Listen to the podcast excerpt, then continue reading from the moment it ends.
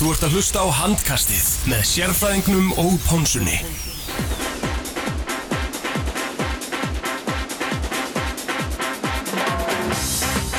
Komið sæl og blessuð hlustendur handkastins, við erum hjertalega velkomin í fyrsta þátt uh, ársins 2019, gengi í gard, heldur betur gengi mikið á hjá félagunum í handkastinu, þetta er ekki fyrsta takan á þessu ári, tókum upp handkast í gær, sérfræðingun og Theodor Pálmarsson Pónsson með Guðan og Guðmundssoni, svo klippa fór beint upp í analinn á helviti og hérna verður því miður ekki eða bara út af sæf. Kennum uh, græðinska taknumarinn um það. Svo ætlum við að fara að taka upp uh, þátt í, í kvöld. Þá er Theodor Ingi Pálmarsson að glíma veikindi þannig að sérfræðingurinn kallaði til tvo herramenn þá Gunnar Birgisson og Ásker Jónsson verið hjertalega velkomnir fyrir það. við erum ekki hins var í stúdíónu hjá krakkunum í áttunni þar sem að það klikkaði heldur að fengum við græðinar hjá vinum okkar í fótbolta.net og erum því að taka podcasti upp í græðunum frá fótbolta.net og viljum við þakka þeim kærlega fyrir hjálpina. Herður strákar áður við fyrir lengra þá verðum við því miður að minnast uh, góðan fél, góðans félaga sem fjall frá sviplega Kolbjörn Aron Arnarsson var bráðkvættur á heimili sínu 24. desember síðastliðin aðeins 29 ára aldri Kolbjörn Aron átti mörg frábær ár með IBF og var til að mynda Íslandsmeistari með félaginu árið 2014 og byggameistari með félaginu árið síðar. Hann gekk í ræðir afturöldingar í fyrra en skipti aftur til uppeldis félagsins og spilaði með IBF til hinsta dags. Kolbjörn var þekktur sem mikill stemningsmarkverður, frábær félag og liðsmaður. Og viljum við í handkastunum votta fjölskyldu Kolbjörns vinum og öllum eigamennum okkar dýfstu samúr kveðjur. Og reynilega bara blessu sér minning Kolbeins. Þar sem englarnir syngja sefur þú sefur í djúpinu væra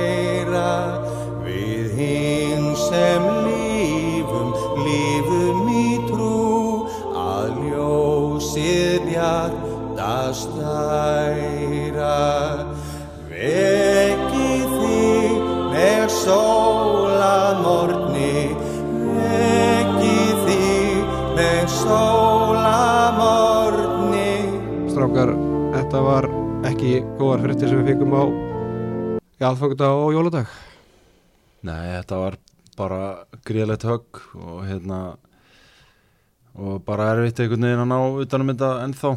Þetta er náttúrulega svo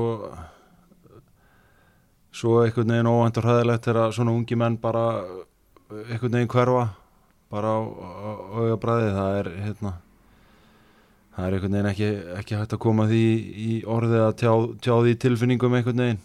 En þetta er náttúrulega bara greiðlega sorglegt og, og mikill missir af, af góðan dreng sko Já, þetta var bara náttúrulega, maður er svona einhvern veginn ennþá, einhvern veginn, maður svona einhvern veginn trúur þessu ekki alveg ennþá, það er bara svona, það var einhver svona, einhver svona tilfinning sem að greip maður strax þegar maður las þetta, að bara þetta, þetta gæti bara ekki verið. Og hérna, en, en, en þetta er eins og ég segi, þetta er bara, því miður þá er þetta blákaldur umveruleikin og, og hérna, bara tekundi það að ég votta eigamennum öllum bara og, og handbóltaðinundum mína dýrstu samúðakvæður. ekki spurning. Ekki spurning. Uh, janúarmánuðurinn er landslýsmánuður þá verðum við þetta að minnast á það að það er verið þjálfaraskipti í Ólistæl Karla í hvað, fyrir ármót eða það var tilkynnt um nýjan þjálfari núni í janúar þegar Geir Sveinsson tók við akkurjarliðinu af Sverri Jakobsson Jakobsson. Og hérna já, þetta vakti mikla aðtikli við handkastinu tölu nú um þetta fyrir einhverjum einu og hálfum mánu að það var nú haldin krísufundu fyrir norðan þegar gengi var ekki upp á marga fiska en stíðasefninu hefur nú heldur betur skánað mikið uh, eftir það og unnur já ég segi nú bara glæsta sigra gegn svona FH liði svo vantaði náttúrulega áspjöld fyrir þess og unnið náttúrulega frábæra út í sigur móti gegn móti Selfoss. Og hérna þannig að en það var ekki nóg, þeir stemdu áttastöðum fyrir jól. Það var talað um á þessu krísufundi en þeir náðu áttastöðum en það var ekki nóg þetta er aðtæklusverð ráðning Áskir Já, þetta kom mér verulega óvart eh, hérna, þessi þjálfara skipti en þetta hljómar eins og eitthvað eh, hérna, það sem að maður hefur ekki öll púslinn á hendi til þess að meta stöðuna sko, en, en hérna svona utanfrá, það er náttúrulega eina, eina sjónarhóttni sem maður hefur á þetta þá, þá kemur þetta með verulega óvart og, og ég held að hérna, akkur er að lið sé á pari eftir, eftir þennan fyrirluta tímabils. Ég held að þú veist það sé ekki takt að ég meina mögulega erum við að tala um pluss mínus tvö stegu upp niður eitthvað svoleiðis hérna þeir hafa verið óöfnir í einhverju leikjum líka og svo frammeðis, léleir í einhverjum og svona bara eins og eiginlega öll lið hafa lendi í en ég, já, ég meina þetta var líka skrítið eftir mjög gott rönn.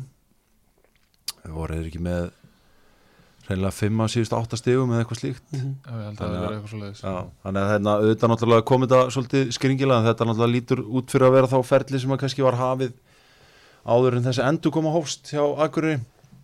Þannig að hérna, þetta virkar já, þetta virkar pínu skrítið en, en hérna en það, maður veit ekki hvað leikur á baki. Það sem kemur mér kannski mest á óvart og ég er ennþá að ná utanum er sko, vísir talar um að hann hafi verið honum hafi verið sagt upp starfum en MBL talar um að hann hafi hætt. Og ég fór eitthvað svona spyrjast fyrir um og það var enginn sem gætt sagt mér fyrir vissu hvort hann hefði verið látin fara eða hvort hann hafi hætt sjálfur. Þannig að það svona, svona maður setur spurningamerki við það. Já, og eins og, og áskil kemur inn á og, og þeir báðu komið inn á að veist þeir voru komnir á smá rönn sem þýðir að það er eitthvað meira sem liggur á baki.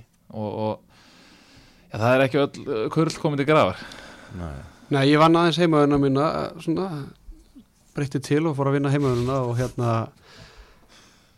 voru þeir eftir á blammera bara eitthvað? Já, sagan segir sem sagt að eða Sverri er uh, byrja að vinna í nýri vinnu í sumar og hérna og það veit ég hvort að það er trubli hann sem í þjálfuninni eða það er allavega að trubla stjórnamenn af akkurir þeim finnst hann ekki hafa náða að sinna jafn miklu, mikilli vinnu gangvart liðinu eins og þeir vildu þannig að með tilkomi geirs þá er alltaf að koma inn í 100 vinnu og að- þeir að reyna að vinna meira með uh, unguðinum og yngur strákunum að vinna aukarlega, vera með hátegisæðingar og, og hérna aðeins að auka svona metnaðin og, og hérna, að en ég meina þeir voru ekkert að fara í hvert sem er þú veist þeir voru að fara í gauð sem var bara síðast með landsliðu okkar Já, og, og hefur ekki þjálfað í, í, í, í ólisteldinni bara heilengi þetta er metnaðfull ráðning. Mjög svo, ráðning. en svo er spurning ætla, það mun líta hræðilega út.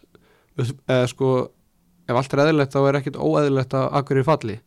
En þeir eru ekki í fallsæti núna þegar að geir tekur við. Því að og, og því mun þetta líta ennþá vera út. Þá er ekki að tala um fyrir, fyrir geir heldur fyrir stjórnina. En Geir Já. er líka bara með samning út tíma ég er að segja að þetta skiptir að meina fara- þú veist það er bara þú veist hann stekkur síðan bara frá borðið eða fara niður sko. Það er alveg já borðleikandi og þó þeir færu ekki niður Já. þá er þetta þannig bara að það gerir þetta ennþá skrýtnara sko ég menn það er löstar á selfósi í sumar sko já, einmitt þannig að þetta er svona já, en ég meina Geir lítur að sjá samt sko, einhvern leik á borðið, hann er ekki að koma frá Þískalandi Nei.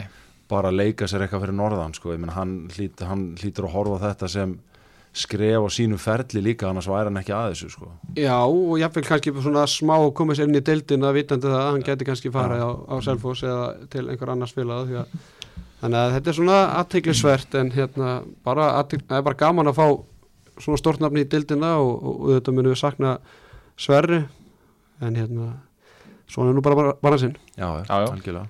Og kannski önnur önnur tíundur rólistildin að Nökkutan Elliðason hann gekk til ræðir Selfoss frá, eh, frá Nóri spurning hvort að eða, hann mun klárlega styrkja liðið Selfoss og, og þá sérstaklega hópin og, og breytina og, og það er svona spurning hvort þeir hafa verið að gera þetta vitandi það að þeir svona kannski getur mist elvar eftir HM leikmenn hafa nú farið, ég meina Janus Staði fór frá haugum í, um janu, í janúar þegar fór til Álaborg og hérna, þannig að hvort að þessi að forvinna það?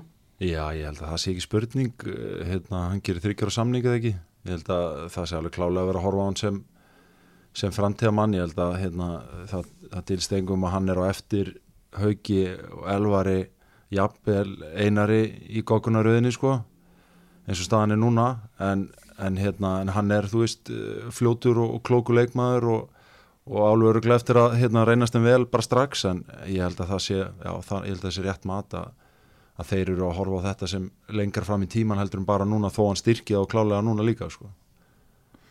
Já, ég bara verða viðkynna það, ég bara þekki ekki nægilega vel til leikmannsins, ekki nema bara fyrir alveg þessu löngu síðan, þannig að hérna, en, en það er alveg klárt að þeir eru að vinna ykkur á forvinu og ég, ég hugsa eins og þú segir að ég svo sé ekkert ólíklegt að þeir missi elvar hvort sem að það verður gerður kannski samningur og hann klára tímabilið hér eða eitthvað svoleiðis en ég gæti mjög vel trúið að hann fái samning í kringum hann Við vonum það allavega, vonum að standa sér vel í, í Þýskalandi, vindum okkur í landsliðs umræðina hvað er fjóri dagar í fyrsta leik, Ísland-Kroatia ég ætla ekki að nefna nafni á mótinu sem fór fram í Nóri Gunni, þú er nú þekk góður í norsku Jensidíu Cup.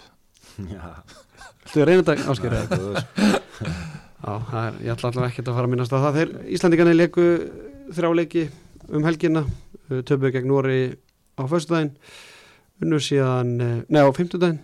Unnu síðan Brasilíu og Holland á, á lögut og sunnunda engin stjörnu leikir framistaðan svona lala á, á, á köplum uh, hvað var þetta, þryggja fjara marka sigrar á, á, á hérna Holland og, og Bra Brassónum engin engin Neymar.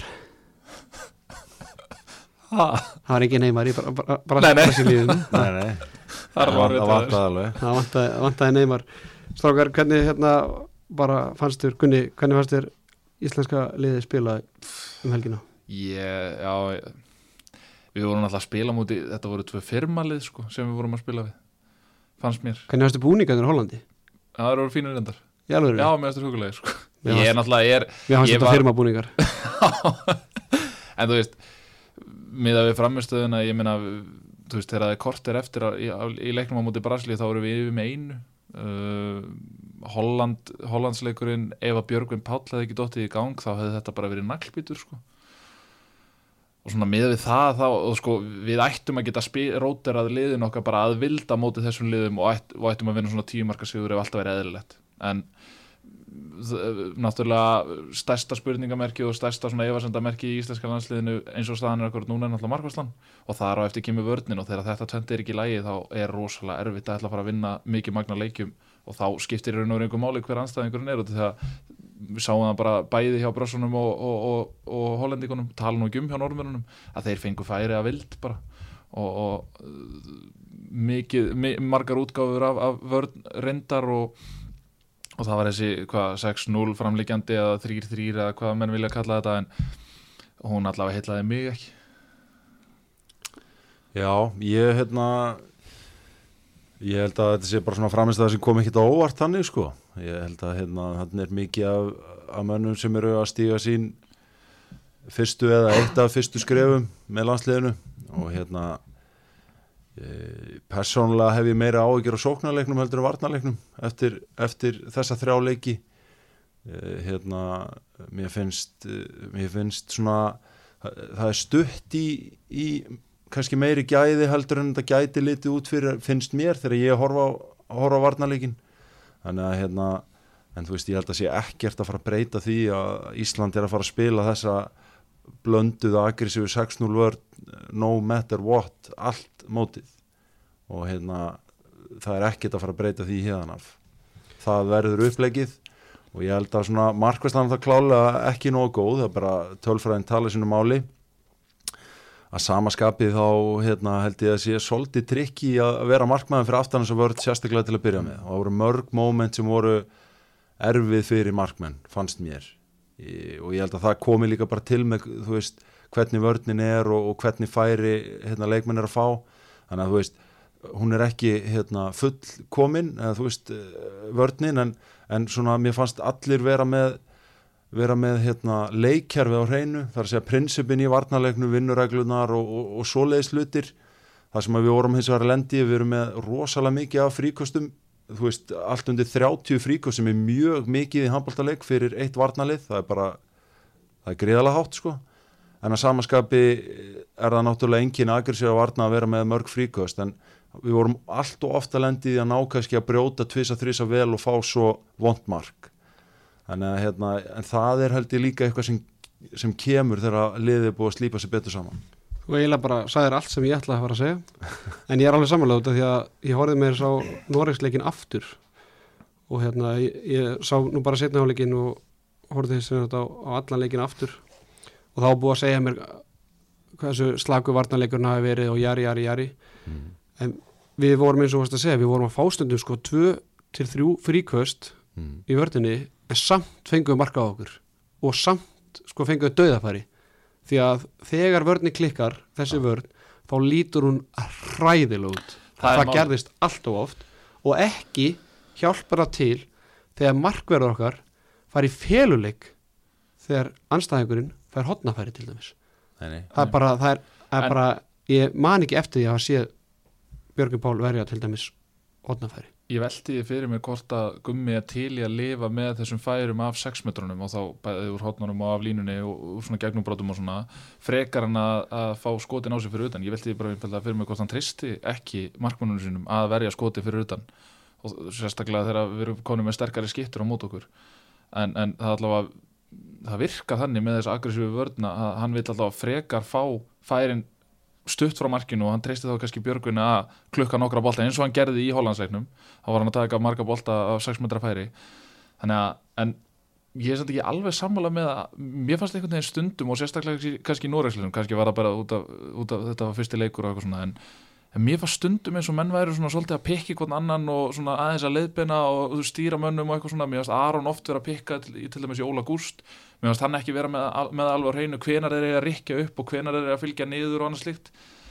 Og þar, þar opnaðist mikið, þú veist, Bjarti Mýról bara lék sér að í mig þannig þegar það er Já, lagt í einn og að einn stöðun á línunni sko. einum af bestu handbóltumann í heimi í Sandó Saga sem segir sko lék sér að þessu og já, og, Já, já. og svo er það annað. Að eigum við að vera að byrja okkur saman við Noreg? Ég, mér finnst ekki tilumni til þess eins og staðan er ekkur út núna. Þó, þó að sé alveg grátlegt að segja þetta í handbólta út af því að normur er skýtsam handbólta sko. Það, er, það er svona áttunda greinin sem þau myndu fara í af, ef, ef þau ætti að velja sér íþrótt ef þau myndu, byggja meðal normannin um að velja sér íþrótt þá væri handbólti ekki ofalega á lista. En eins og þú segir, Sandi Sagur er sennilega bara besti handbóltamæður í heimi og hann bara lék sér að okkur en hérna, auðvitað, ég var náttúrulega í upptökum í, í, í gær og ég er náttúrulega að ræða þetta í, í annað skipti eins og eðlilegt að það er.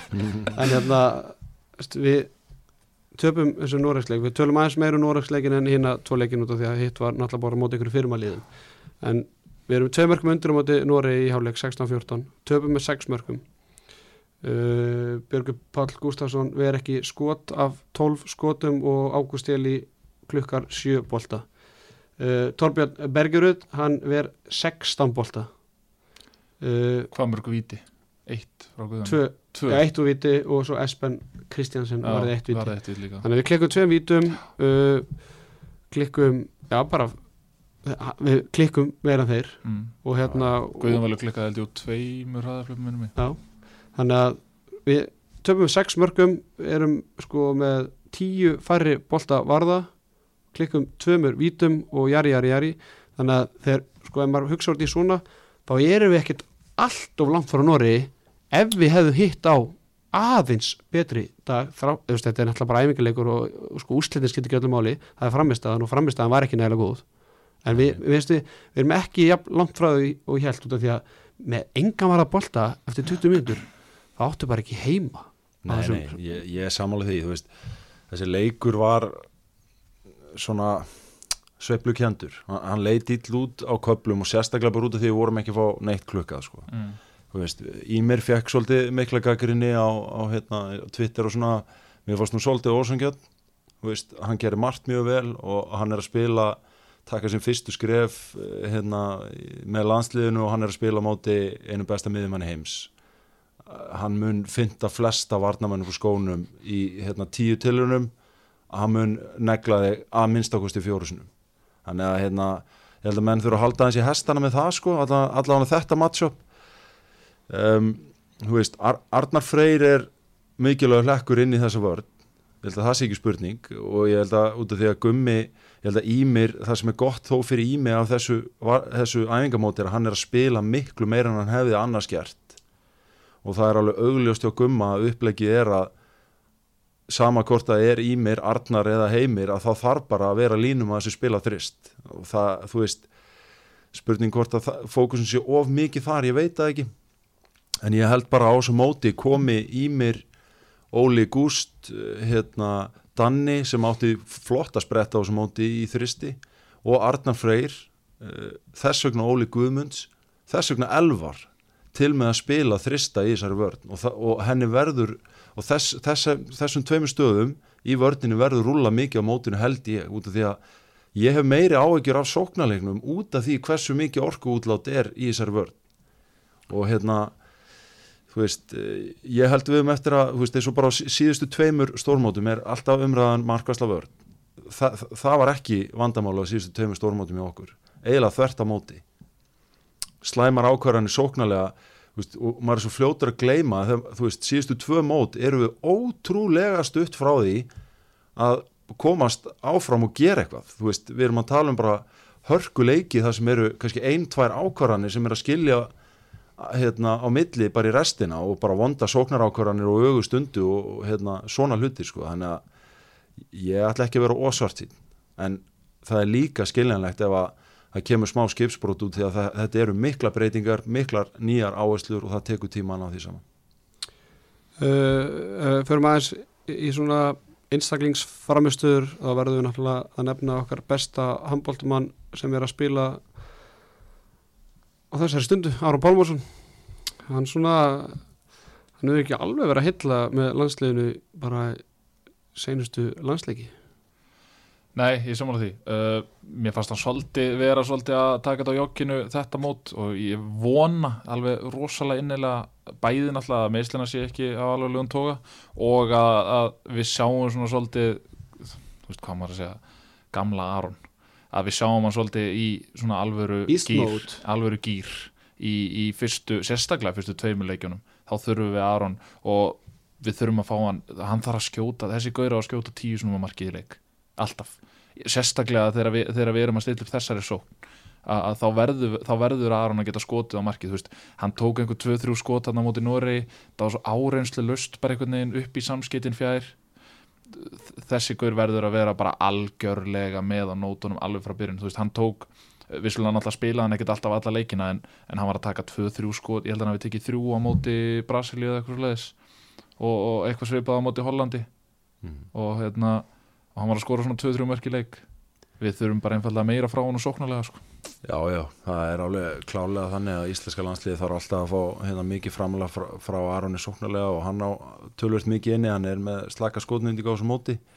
Ég held að sé kannski líka pínu svona trikki að, að skipta úr hlutverkinu sem Aron er í hjá Barcelona eh, yfir í hlutverki sem hann er núna hjá landsliðinu. Það er að segja, þú veist, hann er ekki skora mikið á mörgum hjá Barcelona en það er það ekki hlutverki hans þar. En hann er hins vegar að búa til og byrja nánast alla sóknir og hefur, þú veist fengið mikið lof fyrir sína framistöðenda átt alveg geggjaða spretti núna í haust.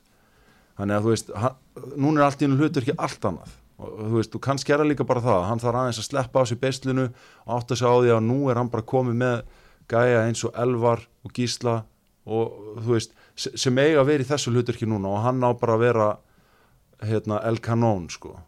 Og ég held svona, svo, þú veist eh, mér fannst svo rosalega spennandi nokkuð móment millir hans og Gísla.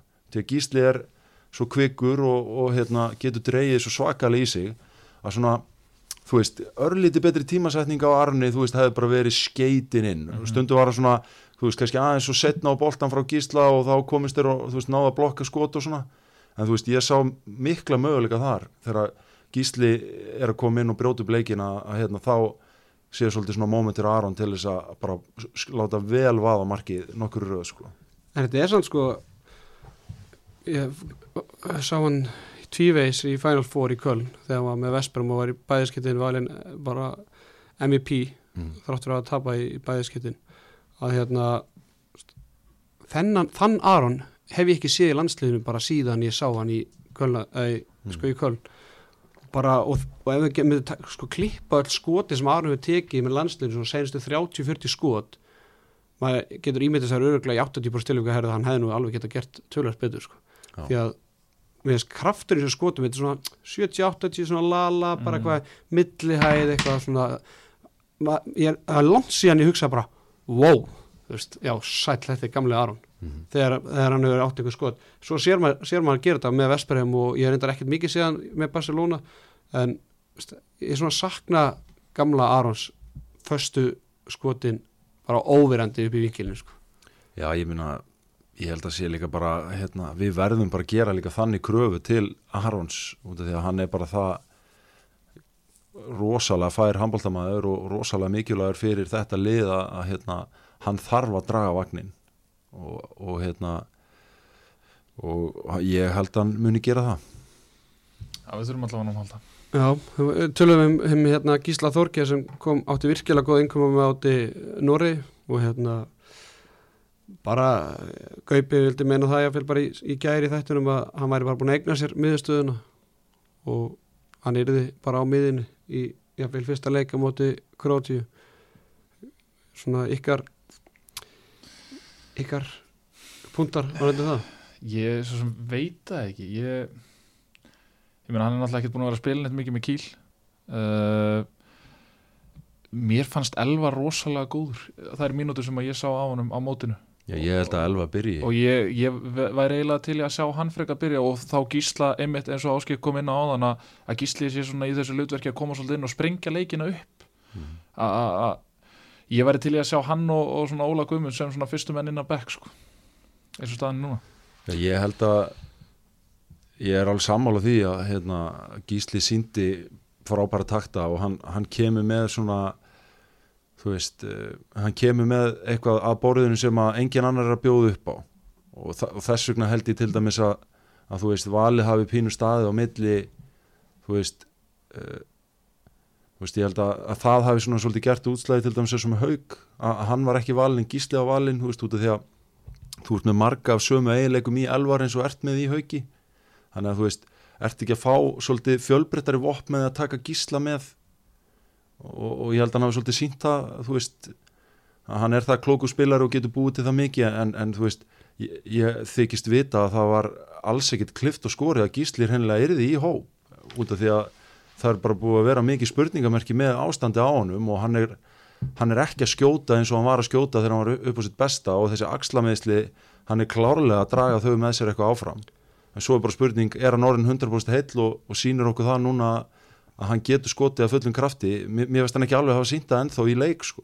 Nei, voru, þetta voru þessi bareinleikir sem var bara, það var ákveðið að- að Gísli væri tilbúin í þetta, Hann- var hleyft frá kýl til að fara í þetta verkefni og það átti að taka stöðuna, það var bara fyrir bareinleikina var bara alls ekki útsíð að, að, að Gísli væri klár, en, en hann hefur heldur betur sínt að hann er klár í, í verkefnið.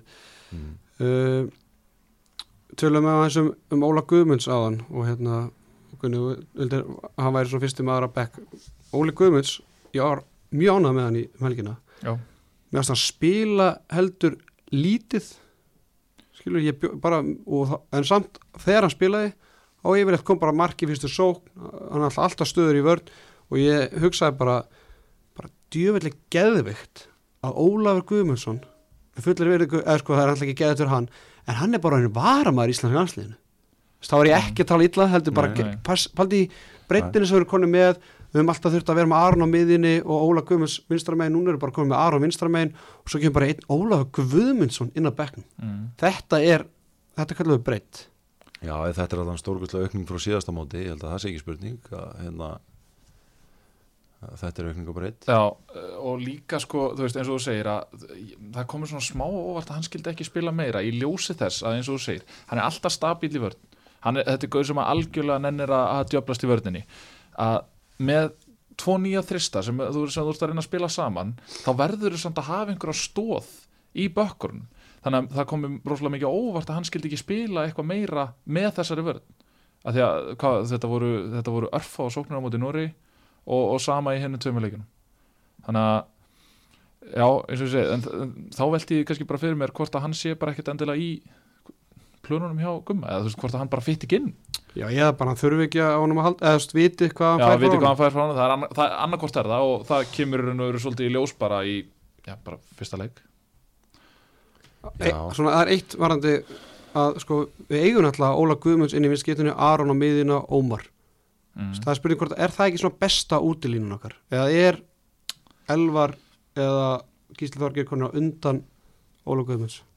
Ég, mér finnst þetta æfingamót pínu gefa það til kynna að, að hérna að þú veist Gokkunaröðin sé núna hérna, Aron í vinstri skittu Ólafur næstur inn í vinstri Eh, manni finnst að vera eiginlega bara borlegjandi með hvernig Gummi spilaði eh, þetta mót að það, það er eiginlega bara þannig að Aron er að fara að spila vinstri skittu Já, hann, já, er að hann fara, hefur sagt það bara hann hugsar hann ekkert inn á miðsvæði þannig að þá, þá ertu í raun og veru þá er þið svolítið þröngsniðin stakkur þar og þá eiginlega verður að hugsa þetta öðru sig og þá, þá er svona kannski freka borlegjandi að þetta sé elvar eða gísli sem eru þannig fyrir utan sko. já, en ég samt skilur ég sé ég sé samt tækifæri í því að, að hérna, spila Aroni og Óla saman sko, og ég, þú veist, ég held að sé ekkert eitthvað útiloka að, að, að, hérna, að það gerist. Það er líka bara hérna, getur auðveldað þú veist, einfalda vinnuna fyrir gumma í varnaskiptingunum og því að hérna, Óli Óli getur klárlega leist inn að þrist eins og Ímir og, og hérna, Heimir og, og Danni sko, hann er alveg það góðu varnamæður og með það flotta fótavennu sko Ég elska hvað er nýtt með þér í þessu það er eins og ég hef gert þetta áður. Uh, við erum, að, við erum að búin með miðstöðuna við erum búin með vinstri skýttuna mm. hæri skýttustadan við hefðum alltaf hendi í Rúna Kárótni ef við værum í stúdíun á krökkurum áttunni en það verður því miður ekkert Rúna Kárótni í, í kvöld en, en framist að hans var ekki på marga Nei, fiska. Það verður Nei, bara það að segja. sem að, það sem að það, sko, og það er annað að þú veist, jú, jú, hann, náttúrulega- hann, hann átti ekkert spesleiki en það er samt sem áður fínt að hafa svona mann á bekknum. Það verður ekkert á hann tekið. En það sem ég er ánægast með er bara að fá ómaraninn og því að við erum þá komið gaur í hægri skittuna Rúnar er svona þannig leikmaður að hann eiginlega verður að fá bara sína flugbrödd sín, sín 2-3 skrif og svo bara þruma boltanum. Á meðan að Ómar er svona leikmaður sem að getur hann er með svona ágæti sendingagetu eiginlega bara fína sendingagetu og hann, er mjög góða sendi hann, hann, hann, getur líka búið sér til færi. Hann getur alveg farið í yfirhandafinduna og brotið sér leiði gegn og eitthvað svona. Þetta er eitthvað sem að sér kannski ekki, ekki voðaloft hjá Rúnari. Nei, ég meina Ómar var eh, ofta á þessu móti að búi til mörgu upp úr engu Mm. sko Já, ég, það verður að segja þess að hérna, þetta mót var ekki gott fyrir Rúnar og, og, hérna, og hann kannski líka er óeppin að því leiti að, að hérna, eins og þið segja að bæði brassarnir og, og, hollendingarnir er að spila kannski vörð sem að henda Rúnar ítla þannig að hérna, hann er vopni ákveðnum aðstæðum en hann kannski gerði sér enga greiða þú veist, eins og í Brasiluleiknum og kemur hann inn er óöppin og tapar bara þrejum boltum í röð eða tveimur eða eitthvað og er bara kipt strax út af og hann var ekki með samfærandi ákvörðan tökku heldur á, á móti Hollandi móti þessari IPVF-vörn hérna, frá Ella Rík frá Ella-Rík sko, þannig að þú veist, hann var kannski svona að fara í svona hnóð, hnóð ákvarðanir þar þegar boltinn hefði bara átt að fá að fljóta og svona. Þannig að ég, ég, ég, kannski sett bara hreinlega spurningamerki við að hvort að hvort að þetta mót setja ykkur að efasendir hjá gumma sko með hvort að teitur sér kallaður inn eða það er Arnabyrkir já, að Arnar Birkir hvort í sjáum einhverja hrókeringu á manninum á eftir Ómari, ég veit það ekki sko. Arnar Birkir alltaf var í þessum 20 mann hóp er ég nokkuð viss? Já, hann var, já, hann var þar. Þannig að hann svona kannski að undan þá á teit en Já, en En- meina en- samaskapi hefur Rúnar sínt sparihliðarnar á síðustu tveim mótum sko, þannig að þú veist eh, já, ég veit ekki. En svona ef við förum, já, ef við förum í þennan svona what if you don't förum í leitli bransa þá er Rúnar kannski ekki efstur á blaði þar. En var teitur í þessum 20 mann hóp nei 28 hann er samt 28 og það getur breyst bara fram og tilbaka. 20 ef hann bara til að æfa með og en af hverju er hann ekki þarna? Þú teitur. veist, af hverju hefur hann ekki verið að fá Arnabyrkir alltaf var frábær í þessum bílansliðsleikjum í janúar já, þar sem að teitur byrjaði svo kom Donni og, ég vel Já, þetta Arnabyrkir er nummið þrjú eða fjögur hér skiptun og endaði þessum markaðistur um átti í Japan og, já. og er náttúrulega bara svona X-faktor hann, hann hefur náttúrulega aldrei séð lélegt skotfæri sko. Nei, Nei, nei. en það er spurning er, er Teitur Arnabyrki nægilega nála því að vera íta rúnari út úr landsleginu Já, ég, þú veist, ég held að sé ekkit, ekkit eitthvað útilokað og hérna, ég held að sé alveg einhvað sem að eh, hérna, gæti mögulega gerst, ég meina það er bara það mikið rót á hópnum líka og Gummi er bara alveg heðalög með það að hann ætla bara hérna, að taka sér allan þann tíma sem að hann þarf velt upp öllum þeim steinum og skoða alla möguleika sem er í bóði og mér finnst hann bara hafa fulla rétt til þess með að við, þú veist, hvað, hvaða vinna er í gangi, ég meina hann er bara að endun í að koma með nýtt skipulag og, veist, og er bara hérna, spá og spekulera allt ofan í þaula. Að hann verður allan aldrei sakaður um annað en að það séu vandaðar eða, eða skulu segja vel ígrundaðar ákvarðanar að baki hver verður valinn. Þannig að hérna, ég held að sé ekkit útilokað að við sjáum eitthvað óvænt sko. Já, höfum það alveg að hreina, það er ekki hægt að efast um, um vitund gumma gumma á, á handbóltanum og, og hérna. En að samanskapið sem segið, þú veist, þá hefur Rúnar hérna, átt góða leiki en hann hefur líka átt erfið móment á leikilstundum á þessum síðustu tömur mótum. Þannig að þú veist, það er spurning hvort að það sé eitthvað sem er að trubla, ég veit það ekki en hann, hvort sem að þú veist, Rúnar er alltaf öflut vopn í vissum aðstæðum fyrir íslenska landslíði, það er ekki spurning. Algjörlega. Uh, myndum okkur þá bara í hægri hotnastöðuna Gunni, þú ert með með skúp. Nei, ba já, bara Óðinn kom ekki heim eftir Norðsmótið, hann hefur bara verið sendur aftur. Spila sinn senasta leik fyrir íslenska þjóðuna ég ætla nú ekki alveg að taka nei. svo, svo hætti ári en, en hérna e, það er svo sem ég held að það hefur nú kannski ekkert komið e, ég held að það ætti ekkert að koma mörgum á Nei, ekki, ekki ef Sigvaldi er bara klári eftir, eftir nára meðsli og, og bara hann er klára, það er bara ánægilegt því að Sigvaldi er mínu viti bara jáfnvel bara besti hægri hotnamaðurinn í íslenska landsliðinu. Já, ég held að hann alltaf hann kemur með svo, sko, hann kemur hérna, þú veist ég ætla ekki að líti úr óðinni, hann spilaði vel úr öllum sínum mínútum fannst mér hérna, sem hann fekk í þessum undirbúningi og mm. en hann, hann kannski líður fyrir það en að gæsalaba hann er svolítið líkur Arnóri sem leikmaður og meðan Sigvaldi kemur inn með aðra vít og hann getur líka að spila bakvörð í vörð sem óðin er ekki að fara að gera. Þannig ég held að ef að hann er heitla þá eh, held ég að það hef alltaf verið leiði fyrir að hann er í valinn sem annar kostur sko Þetta er einmitt nákvæmlega sama og Guðjón Guðmundsson sagði í, í gær, þá sagði hann að samanskapið að Bjarki Már Eilisson var alltaf líkur Guðjón Val. Út af því er Stefán Rafn á undan hann, hann svona öðruvísi leikmaður og getur spilað bakverði vörn og samanskapið er Óðinn rosalega líkur Arnóri og, og kannski, og mér finnst bara Sigvaldi bara úgeðslega góður. Já, mér finnst Sigvaldi alveg rosalega góður. Já, Og hann er svona, bara alveg ótrúlega færanýting hjá honum. Mm. frábæra klára færin. Við ætlum að fara eins yfir svona okkar okkar svona bestu eða fyrstu sjö mm. og ég ætla bara að setja hann staðfest að núna í- að Sigvaldi hann er í mínu byrjunlið Það er svoleiðis Ná.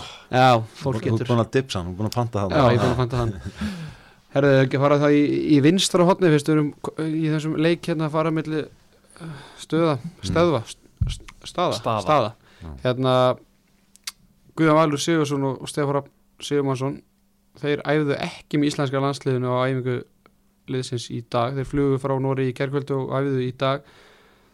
Uh, staðan, það er nú ekkit spes. Fjórum dögum fyrir leik sem betur fyrir má taka 17 leikmenn og þeir munur báður örgla fara við erum í þessu 17 mann hóp, þetta er bara spurning um hvort að Bjarki Már eru þá þessi 17. maður og, og mun þá spila fyrsta leik og kjölfæri kannski þá dett úr hópnum eða gummi gummi vill treyst á, á sína menn en, þetta er ekkit spes. Guðjón Valur, hann er mittur í nénu, þetta er eitthvað í hvað, hvað segja, í síninni Þetta er eitthvað sín fyrir ofan í og, skilin á og, honum. Guðjón, og Stefán Rafn, hann er bara ennþá veikur hann er bara með eitthvað vírus, þannig að Mhm. Ég held að- skjótt skipast viður í lofti. Já, já, ég held að, ég held að Guðjón Valur verði samt alveg klári í fyrsta leik sko. Og ég held að það verði engin spurning en, en það er alveg rétt, ég, ég held að þeir fara alltaf allir þrýr út og, og hérna svo verður bara tekin, tekin staðan, staðan á þessu. En það sem að þetta er að gera er að ég held að þetta sé að útiloka það að Guðmi takki þrjá markmenn út ég held að hann, horfi frekar í að taka eða haugþrástar Já. Ég, ég er ekki vissum að þeir fari þrýr út. Ég held að það sé bara það mikið af spurningamerki með aðra stöður að ég held að hann sé alltaf góður með hann velji tvo hodnamenn í þennan 17 manna hóp ég held að hann sé ekki að fara að taka séns og velja þrjá hodnamenn Nei, það fyrir alltaf, ef, ef Stefán er Það- bara ennþá veikur þá bara, er það að meina þá bara hann verði þá ekki á mótur ég held, ég meina með við já, ég, ég held það hreinlega. Ég held að sé það þú veist, skamt á milli Stefáns og Bjarka þó að, þú veist, ég sé sammála að, að þeir eru ólíki leikmenn og Stefán kemur kannski með annan svona tón inn í þetta og eftir guðunni þá, þú veist, þá er þetta samt þrýr það góði Já. leikmenn að þessi staða er í hvað minnstri óvissu þó, þó, þó, að, út af þessari, þó að sé svona hörð samkeppni að ég er ekki vissum að gummi sér til í að eyða einu sæti í, í þetta Skulle líka ekki gleyma því sko að hvað Stefán Rafn er búin að vera veiku núna í Já, ég veit ekki af hvaða tægi hvort þetta sé ælupest eða eitthvað svoleiðis en þú Nei, stekkur ekkit upp er, þetta eftir er eitthvað vírus. meira, þetta er influensa bara eða eitthvað svo þú stekkur ekkit upp eftir svona og ert að fara svífunur hotninu bara móti króati á föstudaginn sko, það er ekki fara að gerast. Nei, ekki fyrst hann er ekki ennþá farin að æfa þannig að ég geti alveg trúaði að það er einfallega bara út af heilsufars ástæðum þess vegna Guðjón Valur og, og Bjarki sko. en ég, ég er ekki samfæður um að um að hérna, og, og, og þú veist hætta þá við að taka markmann eða jafnvel einn varnamann í viðbót sko. En heldur að Hauku Þrastar, heldur að ef hann tekur tvo markmanna, heldur að Hauku Þrastar sé þá spurningamarkið? Förum við það síðar þetta Nú, já, já. Ég er gestur. Hérna Fun fact að hérna besti vinu Bjarkamás er hemmi Herman Guðmundsson Sónu Gumma Gumm já, já. og þetta er þetta, er, þetta, er, þetta staðfesti það svo mikið hvað Í- Ísland er lítið land að þetta, ég bara neita að þetta, að þetta gerist einhvers annar staðar í heiminum. Þetta er ógeðslega fyndið og þá- við erum ekki að tala um þessi æsk eða þú veist, þeir getur eitthvað svona félagar eitthvað. Þeir eru bara bestu vinnir Hann er bara ekki út að leiki hjá hann í húsi. Já, ég bara, ég sá það á dönsku kránni bara hérna, alveg nýja ást eða eitthvað sko, veist, þetta er bara Den denski að, veist, ég, með, ég bara, ég, vissi þetta en ég fattaði ekki fyrir ég sá það saman ég bara svona ég bara, ég svona smá hló ég bara, shit, hvað þetta er óþægilegt. En eins og með það, ég meina þú veist, umræðin er oft svona af hverju þess ekki og af hverju hinn ekki og eitthvað og, og af hverju þess ekki umræðinni og, og svo fram með sko og vera að kasta inn eins og Bjarkama og, og Kára Kristjáni og, og svona sem er alveg bara valit og allt það. En þessi menn eru í umræðinni það, það er engin að efast um það að- hérna, Gummi Gumm hafi ekki og sé ekki búin að eyða miklum tíma í að skoða hvern einasta möguleika í öllum stöðum og það er engin ákvörðun tekin um eitthvað val af því bara. Þú veist, þetta er allt eitthvað sem hefur verið rætt millir þjálfarna og spáði og spekulera og skoðað og alveg fram og tilbaka. Bjarki Mári er svolítið svona eins og Viðar Örn á Twitter. Hann er með alveg gríðalegt magna af jámunum sem og er tilbúin að taka þátt í umræðinu stundum eins og var að svara að kaupa. Já, en, en talandi um þetta þá vindu okkur í línumannstöðuna því að hún snertir nokkuð fél á Íslandi því að þeir leikmenn sem er í, í myndinni er eiginlega allir að spila á Íslandi. Það er Ímir Örn Gíslason í Val Ágúst Birgisson í FH Heimir Óli Heimisson á Haugum og Kári Kristján Kristjánsson í Já, hann er ekki inn í myndinni Hann er ekki, Nei, nei, en þú veist, hann er svona menn hafa viljað fá hann og, og hitt og þetta. Sko Gaupi talaði um í gæðir í þettum sem verður aldrei byrtur að, sem er sinn sem er sinn sem er synd. Að, veist, hann sagði, það má ekki gleyma því að þessi gæjar eru allir góðir, það er enginn að efast um það. Nei, nei. en þeir, þeir hafa allir sinn kost, sína kosti og sína galla. Mm. og þetta er bara spurning um það hvernig, hvernig púslar þessu inn í hópin og veist, að menn séu búin að gaggrina ími fyrir eitthvað lélega nýtingu ég er fyrsti maður til að þú veist, það þarf ekki eins og að ræða það þú veist, það sést bara að hópið stats að hann er búin að vera ömulugur með val. En sóknanýting með val skiptir engu máli finnst mér þegar kemur að því að velja í landslið því að Ímir er ennættilega nummer 1, 2 og 3 bara varnamöður Já, já. Og- En, hann er samt núna í hlutverki Já, sóknamanns og, og hvernig hefur hann nýtt það í Nóri hann bara með nánast 100 snýtingu og fiska eitthvað 23 vítu hverju einasta leik. Já, já En mér veist, fannst hann er- samt, bæði fannst mér að vera að blanda af því að mér fannst að vera stundu svolítið tindurinn á línni Já. og svo fannst mér líka menn bara einfallega ekki tristunum inn á línni Nei, menn horfðu lítið inn á línna þegar hann var þar Mhm. og mér fannst að bera svona vott af því að menn einfallega bara tristunum ekki. Þannig að uh, ég get ekki verið alveg þú veist, en það sem ég en ætla, hann, eh, þú veist, það verður að vera hægt að gaggrina hann samt þó Já. hann sé að stíga sem fyrstu skrif algjörlega. Af því en, að- en það sem ég ætla núna að skjóta inn í það er enginn að segja með það þótt að Heimir Óli sem er betra nýtingu í ólisleitinni eða Ágúst Birgisson eitthvað að þeir séu eitthvað frekar fara að skora fram hjá Vargas eða þessum, sko, þessum rísum í Makedóni og Króti Mm. það þetta er bara tvent ólíkt.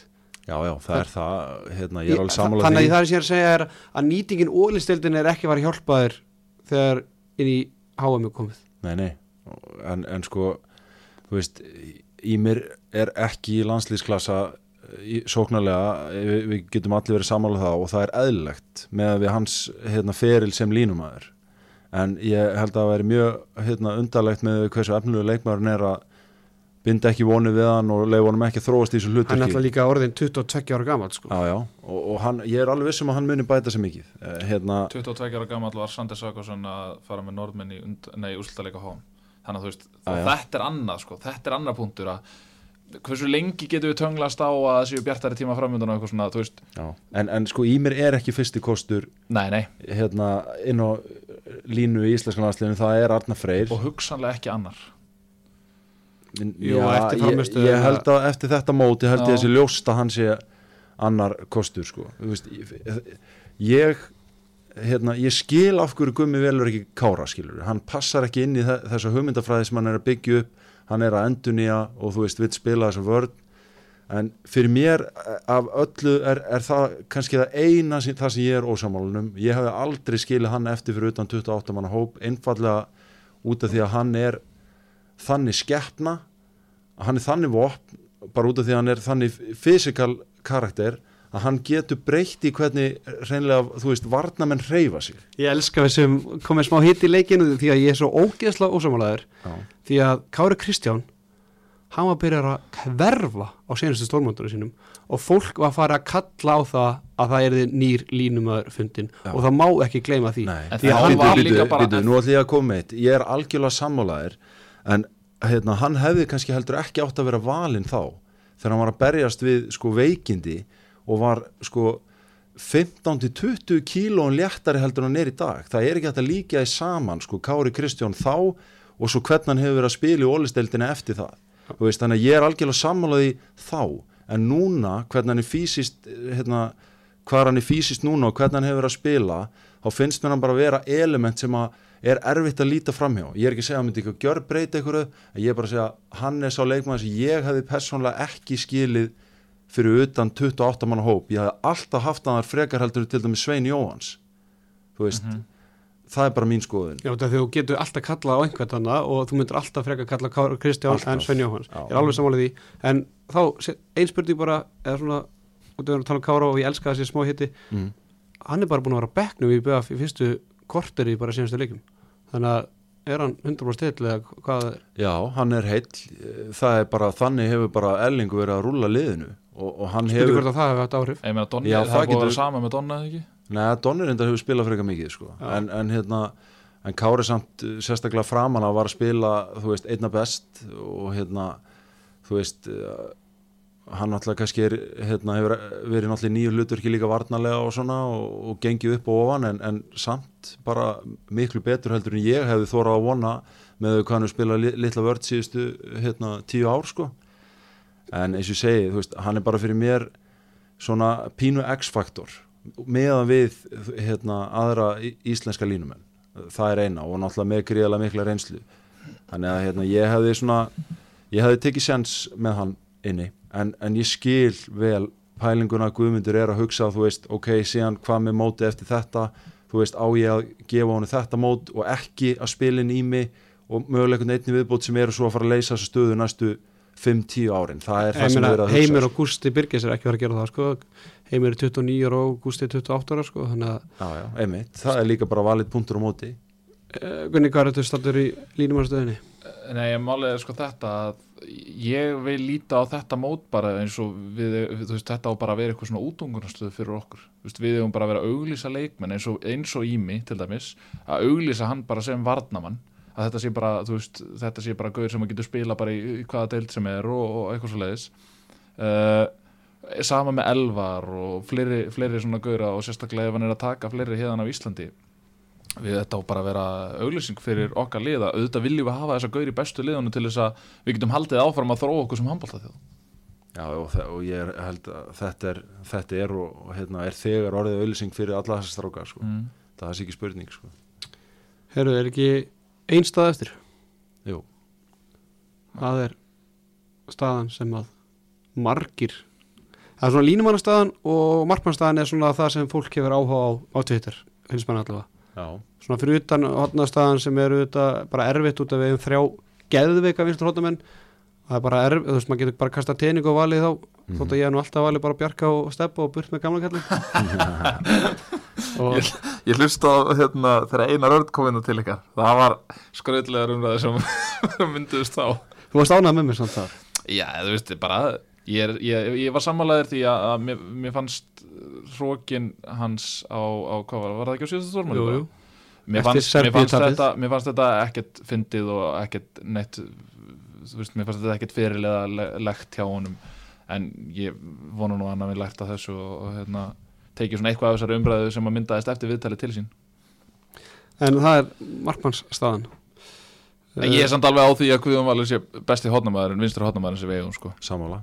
Ég er alveg á því, ég Ég er, ég er næst í því sammála og ég skil alveg hans ég er landslegin en fyrst við erum að hugsa um næstu þrjú ár sko, þá skil ég ekki en ja, ok ég er búin að ræða þetta, við rættum þetta einar og fólk vil hlusta á mína skoðan þá getur við hlusta bara á þann þátt en, en markmannstaðan það er svona eiginlega saman búin tegnum að getur kastað upp á tegning við fáum alltaf sama skítin. Sko, já. Já, allan á þessu móti kannski var hérna var hún ekki góð og, og hérna, en þú veist síðasta stórmóti var hún kannski ekki helst á vandamálið. Þó kannski hafi vantað uh, þú veist, uh, út í að geira ákvað að taka hérna Ágúst Eli með á það, það mót en ekki Aron. Sem var bara góð ákvörðin eða við bara rökrétt með framistöðuna fram að því Mm. en hérna, þú veist, svo síndi Aron Abba tveim ykkur setna og, og, og út allt tímabilið og, og hérna held á öllum þrejum dollunum eða fjórum reyndar að hérna hann kannski átti samt eftir allt saman erindi í landsliði en, en þú veist, já, eins og því móti þá, þú veist, var Bjöggi heilt yfir bara flottur en, en svona á þessum mómentum það sem hann datt niður, þá, þá fekk einhvern veginn Águsteli aldrei trösti raunverulega, skilur hann, hann fóð minna á kannski svona þrjár mínútur og eitthvað svona ég man alltaf að ég hugsaði bara bara má ekki skipta markmann út af eða ætla hann bara ekki að setja mannin inn á eða, Já, þú veist, þú þetta var til hvers að taka með og ætlar ekki að treysta honum og, og ég held að ef mér, Aron hefði verið á begnu þarna þá hefði hann komið tímyndu fyrr í einhverju leikim sko. sko. bara örgulega flestum þessum scenaríu, ég er sammála því þannig að hérna, veist, en Ágúst núna er reynslunni ríkari, hann síndi flott að spretta á þessum móti. Aron síndi ágætt að spretti líka. Þú veist, Bjöggi svo á endanum líka en, en náttúrulega Markvæslan var ekki góð ég held að það þú veist, e, það er ekki bara eitthvað tilkomið út af því að þessir eh, hérna, leikmenn sem allir hafa átt frábæra leiki og sínt frábæra framistöðu séu eitthvað slakir. Það er, ég held að þetta sé líka bara eins og ég segi þessi dýnamík milli nýrar varnar eh, og, og, og svona, þú veist, þeim stöðum sem er, að- hún er að skapa hafi áhrif Ég sammála því, þú veist það er kannski auðvelt að henda þeim alltaf undir vagnin með þessa tölfræði hvað voru það, það voru 10 ég held að það voru verið 5 og 5 á móti Brasilíu það voru 7 á móti Núri og 12 á móti Hollandi þegar Bjöggi hrökk í gang. Ég held að hann hafi verið með 12 skotverðin eða eitthvað svo leiðis uh, ef að Bjöggi hefði ekki hrokkið í gang á móti Hollandi að þá hefði ég alveg verið bara jafnvel game í bara að taka Viktor Gísla hann inn bara, ég veit ekki, var hann í 28 Nei, Nei, hann var ekki Daniel í 28 Freyr. Daniel Freyr, já. Já. Já, svo er það annað, ég meina, þú veist, hvort að við hefðum, Gíslinn alltaf er ekkert búin að vera neitt frábæra tímbilinu en hann er alveg klárlega, mjög sennilega er hann okkar framtíða landsinsmarkmaður. Já, já, en Þannig ég, ég er samt, þú veist, minna framistæðan hans er, bara, þú veist, hún dugar ekki inn í Nei. hennan hóp finnst mér Ég, Og ég, ég, sammála því. þú veist, hann, hann, ég er algjörlega samanlegar hann er 100% efnilegasti markmann sem við eigum en framistæðan sem hingað til dugar ekki dugar ekki hann inn sko. Uh, en en þetta er, í mínum huga myndi alltaf velja Bjögga og Aron og, en þú veist hann tekur Björg á Aron, það er 100%. já, en, en ég, ég myndi samt taka Ágústili, þú veist, ég myndi eigða, ef þetta væri ég að velja myndi ég eigða einu af þessum 17 sætum í þrjá markmenn ég er eiginlega bara sammálaður þú veist, ég myndi til dæmis aldrei ég myndi alltaf frekar eigða þessum tveimur sætum í þrjá markmenn heldur þrjá vinstri hótnamenn sem allir eru ógeðslega góður Já. Getur kveitað undir það? En sko Björgum Páll hann er eh, er ekki að spila mikið í Danmarku hann er með 27% markvæslu í dönsku úrvæsleldinni uh, Ara Rapp var náttúrulega glíma við uh, meðsli eða hann fekk bara slæman hö- höfuð áverka slæman höfuðverka á, á undurbúrstípilinu og hérna Já, og fekk svo líka hérna, hvað var það aftur? Hann fór í aðgerð, hann fekk hérna botlangukast, nei hvað var það jú, er það ekki? Jú, hann fekk ekki, einhverja botlanga bólgu Já, eða eitthvað, já. já, og tekin í honum botlangin það var eitthvað svo leis þannig að þannig að það bættist svona á þetta höfuhögg sko. Þannig að það hefur nú ekki verið að hjálpa þeim mikið að hérna, bæði Aron með þetta og, Björk er kannski ekki að spila hann alltaf var frábær í fyrra þegar hann fer á, á EM hann alltaf búin að frábær með haugunum og bara besti leikmaður deildarinnar Mhm. þannig að ég, ég st, það er ekkert að því að taka þrjá markmenn finnst mér. Þannig og, og það er þjóðir sem skýra það. Mm Já, það, það, og eins og, eins og hallarið er núna þá myndi manni finnast bara eðlilegt nánast að, að, að hann taki þrjá markmenn. Ég hugsa að þú veist það verði þá, gókunaröðin verði þá Bjöggi Aron Ágústili Mhm. Ágúst Eli er svo sem búin að eiga fínt tímabil. Ég er svo sem ekki búin að fylgjast mikið með, með deildinni en, en maður sér svona hann á líka nokkra jámenn á, á, á Twitternum Já, já, það er allir sína hérna. Vass menn, sko. hefur verið duglegur að hendi svona við og við einhverja tölfræði frá honum?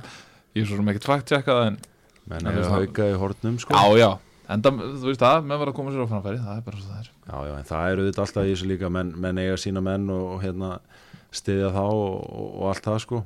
En já, ég ég held að þristur í, í búrið sé ekkit ólíkli niðurstaða. Hérna hvað, er, Björn Björki er 84 módel? Hann er 85 85 85 módel, Aron Rafn er 89 nú ætla ég bara að segja eitt. Mun einhver sakna þess þegar Björgur Páll verður ekki valinn landslið hvað mennur það? er, menn, við erum búin að býða eftir því Já. að eignast góða markmann. Björki er góðu markmaður. Ég held að hérna, við getum ekki sagt annað sko, þó hann segja að dabur tímbil núna já, ég, skulum ekki leiða okkur að hann átti frábært tíðanbíl þarna þegar, þegar hvað ólupíleikunum þegar hann var valinn svona óvænt mm, eða svona valinn óvænt.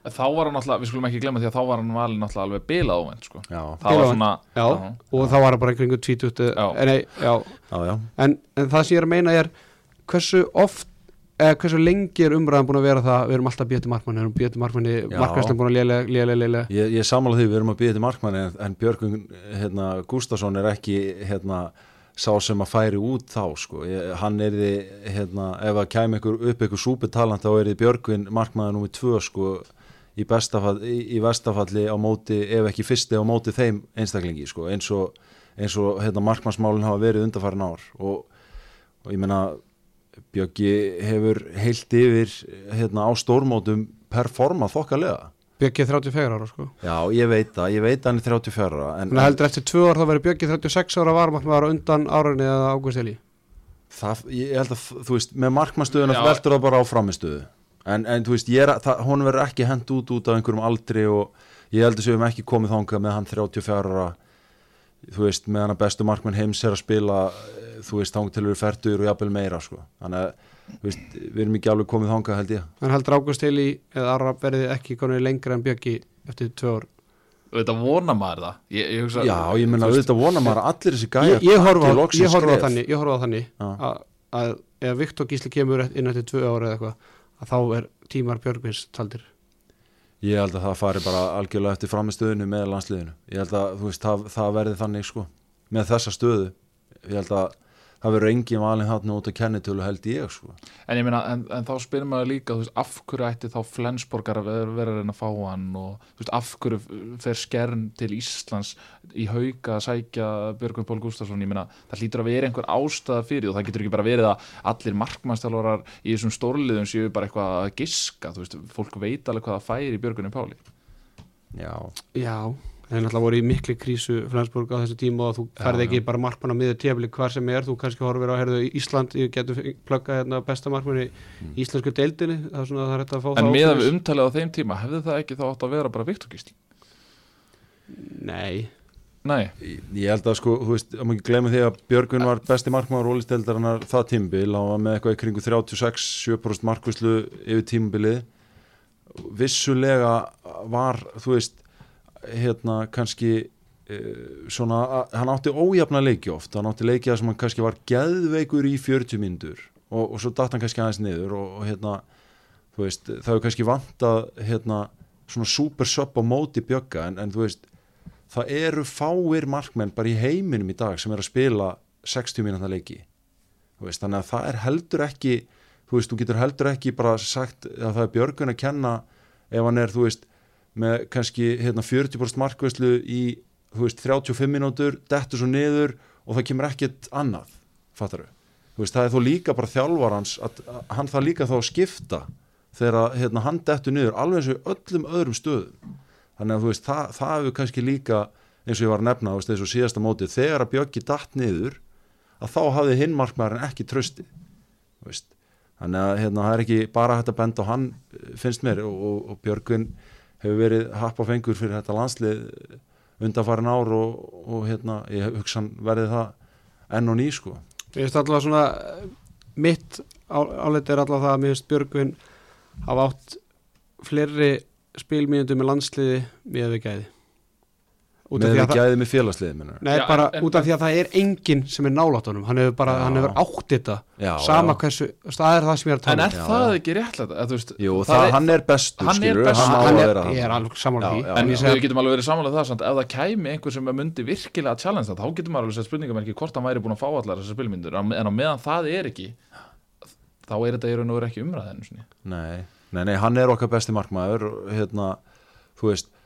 en, en auðvitað, þú veist, gleður það mann að að sjá eins og í envíinu þú veist, haukar íbjöð vafskiluru hérna heima, þú veist sjá uh, Aron Rapp skiluru, hérna, lok tímabils þú veist, hvers, hversu magnaður hann var í allir í úslita rimminu og það auðvitað líka hérna gamani svona pínu fögu fyrirheit með að hann væri vonandi að taka þetta skref sem að maður er búin að að býða eftir og veit að hann getur tekið. Veist, þannig að þannig að maður svona pínu skúfaði með að hann skuli lendi þessu að fá veist, massíft höfuhögg og svo botlanga hérna, bólgu aðgerð og þú veist út af því að maður auðvitað bindur maður líka voni við það að Aron Rapp, taki þetta næsta skref og hann hefur alla burði til þess. Þannig að hérna og þú veist, gísli, hérna Viktor Gísli og veist, auðvitað er það ekki þannig að, að Björgun verður ekki þannig áskrift frekar en einhver nokkur annar ef að, ef að aðrir markmenn stíga upp og sína meiri gæði, ég held að það verður aldrei þannig hérna, allan ekki á meðan að Guðmundur er að stýra þessu liði sko. honum ekki. Herðu, þurfum við ekki að fara hérna að velja? Já, ég ætla bara að leifa Gunna, Gunni, viltu henda í þitt byrjónlið, Uh, fyrsta leik á móti Krótíu Guðum Valur í hóðinu, Aron vinstra megin, Elvar á miðinni, Ómar hægra megin, uh, Arnór uh, í hægra hóðinu uh, og Björgum Páll í markinu, hver á línunni, uh, Arnar Freyr, ertu með eitthvað vartaskýndingu? já, Elvar út fyrir Óla Gúst, uh, Já, ég hérna ég er eiginlega sammála þessu öllu. Ég hérna eh, ég held að Arna Freyr verði þarna inni en þú veist að samaskapið þá er hérna eh, kannski óþæltur í gumma á því hann gæti ekkit spila á hann veist, þannig að það myndi ekkit komur óvart út í gummi myndi þess vegna starta bara í mig með að hann spilaði mikið á þessu móti. En, en Arna Freyr er fyrsti kostur bæði vörn og sók og hérna en, en eins og segja í mér gæti þess vegna byrja þarna í þessum leik út af hérna æfingamótinu og hvernig það þróast með meðslin ég myndi hafa hérna alltaf sama nema ég myndi uh, ég myndi skipta Ómari út uh, held ég. Á móti Krótíu myndi ég byrja með Elvar í bakverðinum uh, hérna Ómari út.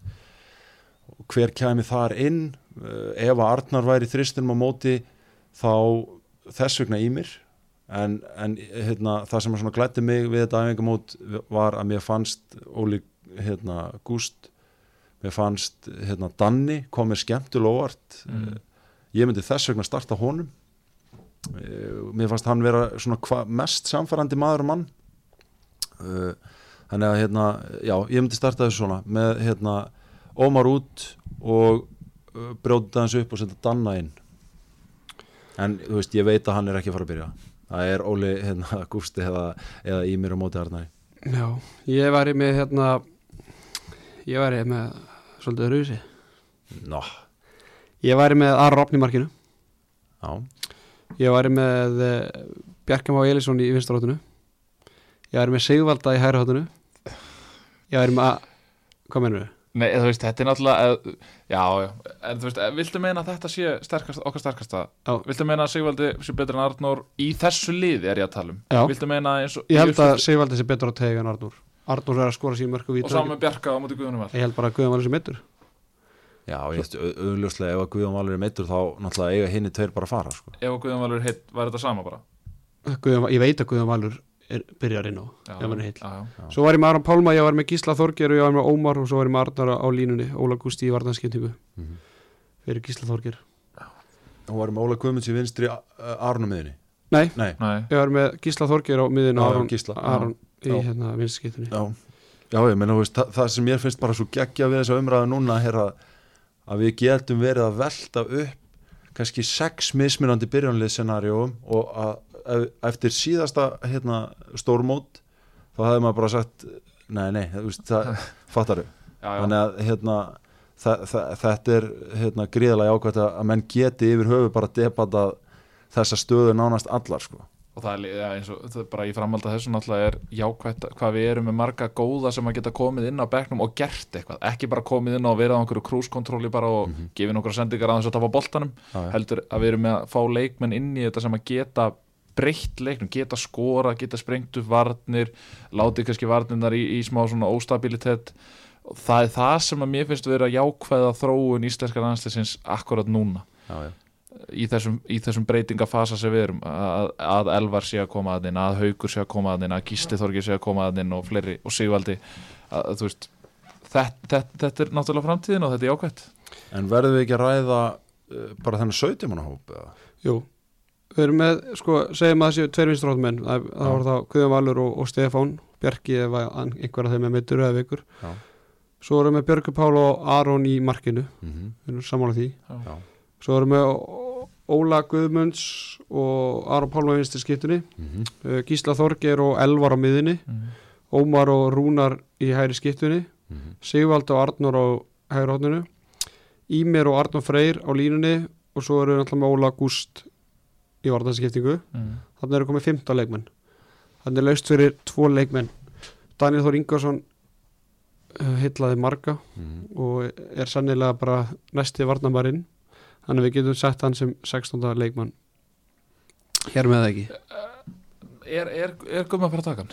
Ég Það er er svona- ekki viss þeir leikmenn sem kom til greina er Daniel Þór Ingarsson Heimir uh, Óli. Heimir Óli uh, svo bara þriði markmaður. Janus, hann er náttúrulega Janus og Haukur Já. Fastar Janus virðist einhvern veginn ekki verið náðinni hjá gumma. Það er bara einhvern veginn, hann fittar ekki hann inn bara eða eitthvað svo leiðis eða hvort hann sé of líkur eða hvort hann sé of líkur ég er kannski elvari Já, Gíslan alltaf Elvar getur spilað börn og já Mhm. þannig að það er Þannig spurning að Jú, jú, da, ég, svo- jú Danni Inga gæti svo sem alveg komið hann inn og svo þriði markmaður Já. Þetta er Gæti alveg verið. spurning sko Erum við ekki að gleyma hann um það? Nei, er sko, náttúrulega bara, menn hafa viljað að Haukur Þarstan færi Já. átum út Já, en er það ekki ólíklegt með að hann var ekki þarna? Jú, en hann á sama tíma var hann bara hérna heima með 21. landsliðinu Já, og Og er búin að vera tæpur eða ekki? búin að vera tæpur en hann er á að vera orðin góðu bara þannig Já, að Já, ég meina, þú veist, það gæti, gæti alveg komið hérna, skipting bara Janus uh, haugur, þú veist, og, og, hérna, og Danni bara fær ekki, þú veist, það væri það bara hérna, Óli Gúst og, og Heimir Óli, nei, hérna, Danni og Heimir Óli eru droppaður úr þessum hóp og, og hérna, og Ágúst eru í rauninni 17. maður, sko, það gæti alveg gerst. Það er alveg spurning af því að við við erum svona tiltölulega vel mannaðir í vördinni hvort að það sé þörf fyrir Danna Já, það, er náttúrulega, eins og segir, að, að, veist, það breytist náttúrulega helviti mikið þegar Arnar Freyr kemur tilbaka og hann já. tekur eina af þessi þristastöðum. En svona meðan við hvað Danni var að spila mikið, þá, þú veist, held ég allan að, uh, þú veist, er hann ekki mögulega inni frekar heldur en til dæmis heimiróli? Jú, ég held það nema að hann treysti ekki í mig sem sóknar og Arnar fyrir kannski ekki alveg 100% Já. þannig að, Það, það er nefnilega, hérna, en þú mátti jafnvel taka átjáleikmenn sko. Ok. En það er, þú veist, eins og segið, það er... Fekk ekki kóri að taka 20 Special price for Já, hérna, en þú veist, þe- þetta er bara staðan, ég meina það er tölvert af ósvöruðum spurningum og, og hérna, og Gummi hefur alveg óhrættu að kalla menn bara aftur inn tilbaka og þú veist, hann alveg hérna, tegir þetta heldum mönnum á tánum alveg gjössanlega fram að síðustu sekundum með hvort er verið í hópið ekki, öllum sko. Þannig að það er nú bara hérna heilbrið samkeppni, er það ekki fórsenda framfara? já, já vona það.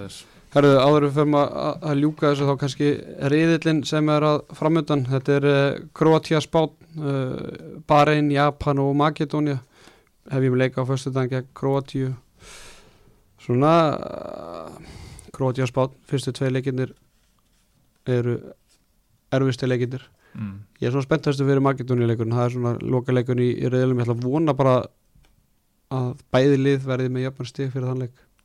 Ég hugsa að það þurfi það þarf mjög óvænt úslit til þess að svo verði ekki Já, ég hugsa að það ég- þarf þá að vinna annarkvort Króatíða Spán.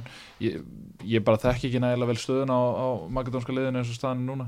Uh, Nei, ég, mér, eh, sko, ég get ekki hérna flettin og hratt upp í kollunum en mér finnst einhvern veginn eins og þið vanti leikilmann eða einhvern mjög öflugan hérna en þú veist, Makedónia með, með fullmanna lið gæti verið með sjokkar úslit á móti Spáni eða, eða Króti alveg klálega sko just, ég held að svona fyrirfram myndi maður ætla að hérna Króti og spotleikinir verði erfiðir nema við fáum 20 bolta.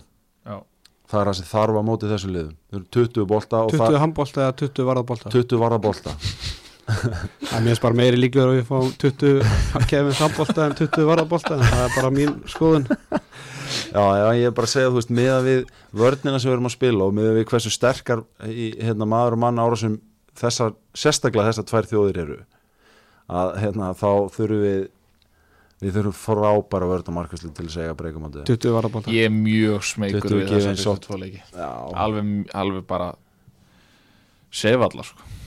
já, já, ég meina eðlilega þetta eru bara stórveldi og, og hérna frábæra lið ég hugsa ég samt hugsa ég, við, ég hugsa við steinleikið því miður sko. ég hugsa samt til leiksins mótið Svíþjóðar í fyrsta leiki og ég já, mm. já, já, það, já, já, það er alveg rétt já, já. það væri ekki en leðilegt ég meina, en svo væri alveg típist að við myndum kannski vinna Spán og svo myndum þetta æxlast þannig að við töpum fyrir Makedóniu og, og fyrir sér ekki áfram það er, alveg, það er svona rosalega típist eitthvað Já, við típist. já, já, algjörlega já, já, ég meina ég sko, ég held að það, það væru eiginlega vombriði ef að þessi riðill, þetta var náttúrulega geðveitt að komast áfram, en það væri nánast vombriði á íslenska mælikvarða ef þetta færi bara algjörlega eftir bókinni og við myndum tapa fyrstu tveimur og vinna síðustu þrjá eða gera jafntöfli síðast eða eitthvað og komast áfram þú veist það er mjög óíslenskt, það verður einhver hérna, það verður einhver þetta verður fjallabaki eins og vanlega sko. hérna, Gunni, Mm. hverju verða heimsmeistarar ég var að velta, velta þessu fyrir mér um daginn. Ég, það er rosalega erfitt að pinpointa eitthvað svona eitt lið. Þú veist norðmenn hefðu farið langt en ég veit ekki alveg hvernig þeir takla þetta með Tönnisen uh, hann er náttúrulega mikilvægur lekkur hjá þeim. Uh, ég held samt að þeir fari alveg í undanúslit frakkarnir, þjóðverarnir ég, ég set frakkan á þetta Já, fyrirfram uh, verður ég að vera sammála því. Frakkar uh, eru bara það hérna uh, ógeðslega stert lið. Ég leiði mér að segja ógeðslega lið nei, nei, þeir eru bara magnaður og svona ég held að fyrirfram sé veðbankanir, þú veist Frakland, það, það er ekki hástuðullin á það sko. Hvað sé Ég við ekki búin að kíkja- ég er ekki búin að kíkja á það. Gunni er búin að hérna- kíkja? Nei, nei, ég held að, ég held að hérna, þú veist, Danir, Þjóðvirar þú veist, ég held að Danis séu já, en það var Ah, und, ok. uh, áður en að uh, Hansen bróðurinn já. Reine Toft mittist þannig að Einmitt. Þannig að þú veist, ég meina þ- þessi lið, Danir hérna þjóðverjar frakkar, svo, svo eru náttúrulega þú veist, uh, liðið svo krótar. Já, þess vegna. Suður Kóriða, Norður Kóriða þú vilt ekki, ekki mæta þessi svíjar skilur, ég meina hérna, þú veist, það eru mörg lið sem getur komið óvart, það er ekki ekki líka. Já, herðu, ég held að hérna HM umræðinu svo lokið en þá vindum við okkur í Nei, ég er ekki í næskunni ég, ég sé að Gunnar flýta sér. En hérna, hefum bara ekki gleyma stelpunum okkar Ólist til Kvennar að hefjast á morgun. Já, og ég, hörkuleikur í eigum nei, henni Hann er í rétt. Beinni útsendingu á, á, í besta sætinu. Já. uh, hérna ég glemdi nú að segja í byrju þáttar að við erum auðvitað í bóði Kúlbett. Það er ekki þeim að kenna við sem búin að vera að drullu bæði herðar hérna senstu tvo dag og, og erum að taka upp hérna í bílskotnum sem að haflaða breðfjörðin en Ólistil Kvenna er sem sagt hún er að stað eftir jólafrí á morgun. Það var að heilum fer fram stöðlarnir eru komnir inn á Kúlbett og ég veit að Gunnar Birgisson er búinn að setja eitthvað dúllur á, á leiki money, þetta er aðteglisverð umferð. Peninga sjúku nú ekki sko. Ásandaldri penning Nei. hérna, þetta er aðdeglisverð umferð af því að fjögur efstu liðin er að mætast og fjögur neðstu liðin. Og ef við förum bara aðeins í verða það er valur í BF kljóðan hálf 7 annað kvöld 1.77 á, á val og 2.35 á IBF Áskeið það er ekki hægt að spyrja því það sem að þú ert náttúrulega náttúrulega alltof litaður í þessar umræðu. Já, já. ég geti sagt eitthvað um þennan leik miklu frekar.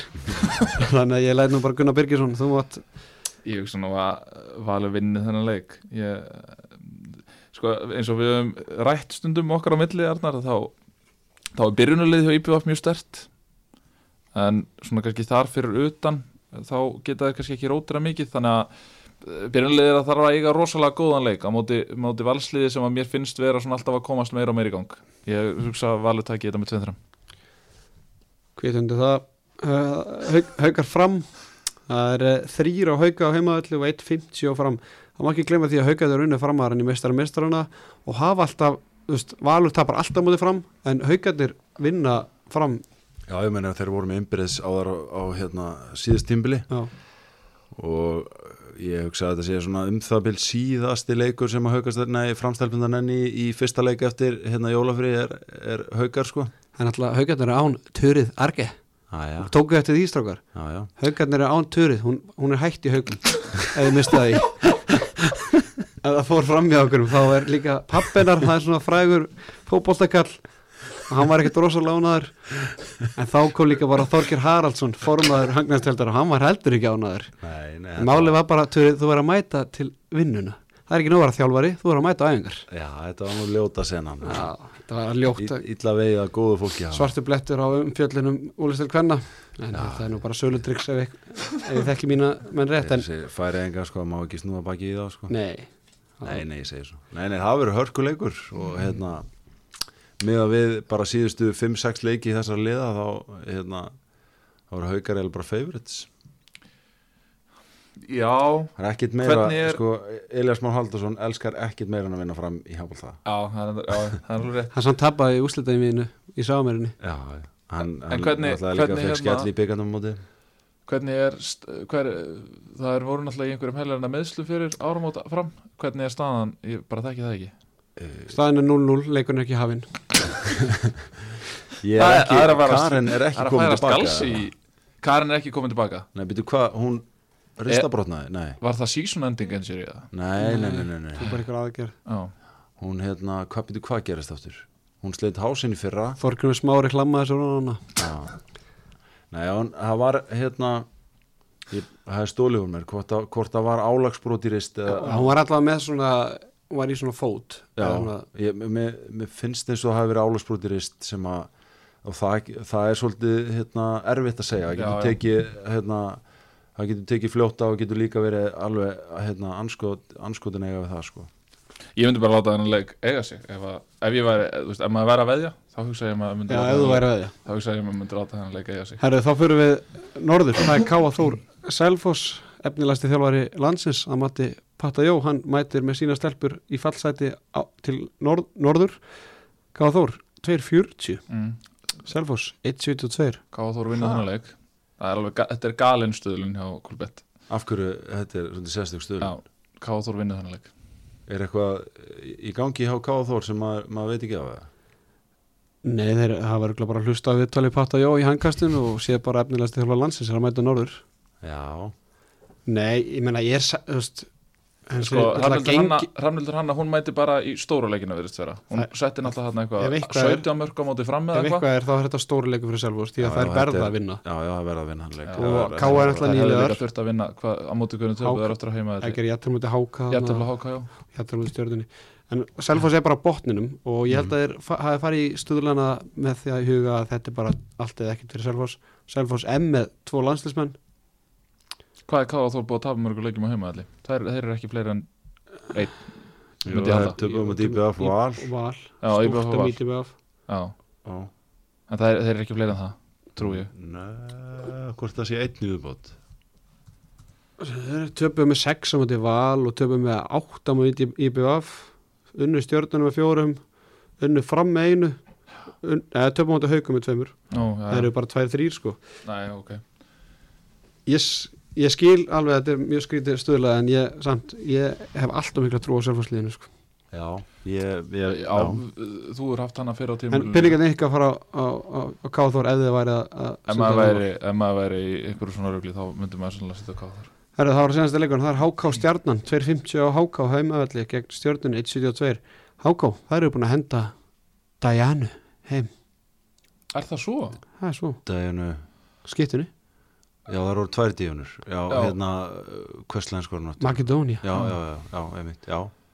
Það er spurning hvort maður sjá hann í stúkunni í munni henn já, Ísland Makedónia, það er, það er alveg Já, spurning. En ég Hvað, ég hvað var ekki- áttur eftirnafnið? hún, bara Ég. Makedónska hún, hún hérna var náttúrulega ekki að spila neitt sérstaklega vel sko. Nei, En ég hugsa samt að ég hugsa stjarnan eigi mikið inni og Guðrun Ósk.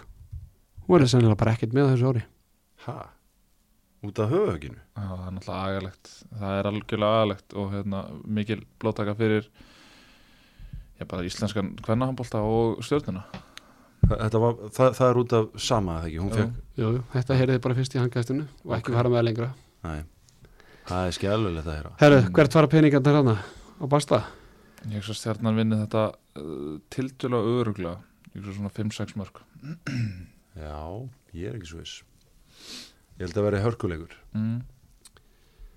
Þetta er sko, Selfoss með fjögustig Stjarnan 6, HK 7 Káa Þór 8 þetta, sko, að HK og Káa vinni þetta þá er bara Stjarnan eða Selfoss að vera að falla.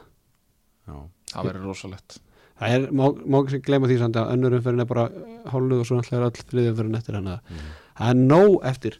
Herðu, að það eru fleiri stuðlega konur hér inn á Kúlbett, það er hægt að veðja það hvaða liði verið dildamestari og Ólistæl kalla Ásker, það má ekki spyrja því að þessu. Nei. Þar sem þú ert þjálfari afturlíkar Gunnar Birgisson einn mesti veðmála sérfræðingur landsins. Já, hvert fara peningarnir þeir þínir þangað? Það er ansið góð spurning. Uh, ætlum að ég hugsa að eh, safe betið væri hugsanlega valur. Ég hugsa að 250, það- eru þeir lagst já, það eru favorit. Þeir eru favorit og vandalega haukar, Haukar og þrír. FH þar á eftir. Selfoss 5, Selfoss 5, FH 9 FH 9 FH er aldrei verið mestari hvað er afturinn, 15, 10, 10 já, ég meina Free cash. Free er það fyrst hér? Já, ég hugsa, ég hugsa að valur væri svona uh,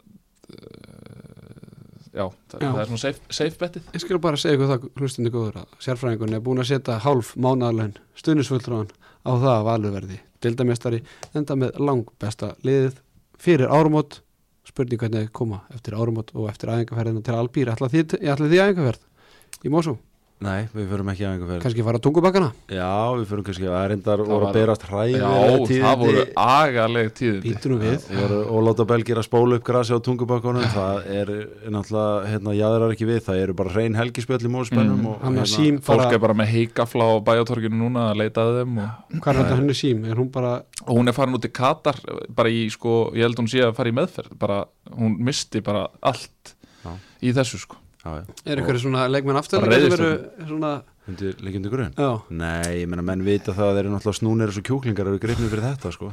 þetta er Það er bara dauðasend í móspennum að, að hérna, hrópla við grasinu og tungubakkum þetta er náttúrulega eitthvað utabæða hiski úr hlýðunum sem hefur komið þarna og verið að prófa ykkur að geta í bíla. Herði við segjum þetta bara. En, en, ég þetta meina, ef, bara- að- en, en hvað ef að til dæmis ef að Ímir stendur sér vel að háum og ef að hann fær síðan brot breytist það þá Ég held að það sé ólíklegt hann, hann hérna hann er að hann fer ekki út En, en, Nei, nei, en að því sögðu þá hérna, ef einhvað lið varnalið myndir ráða við að missa hérna, Ég meina, sko- eh, þá, er, þá, er, já, já. þá er það valur grótt að skora þrjú mörg á móti val án Alexander Júlísson sko.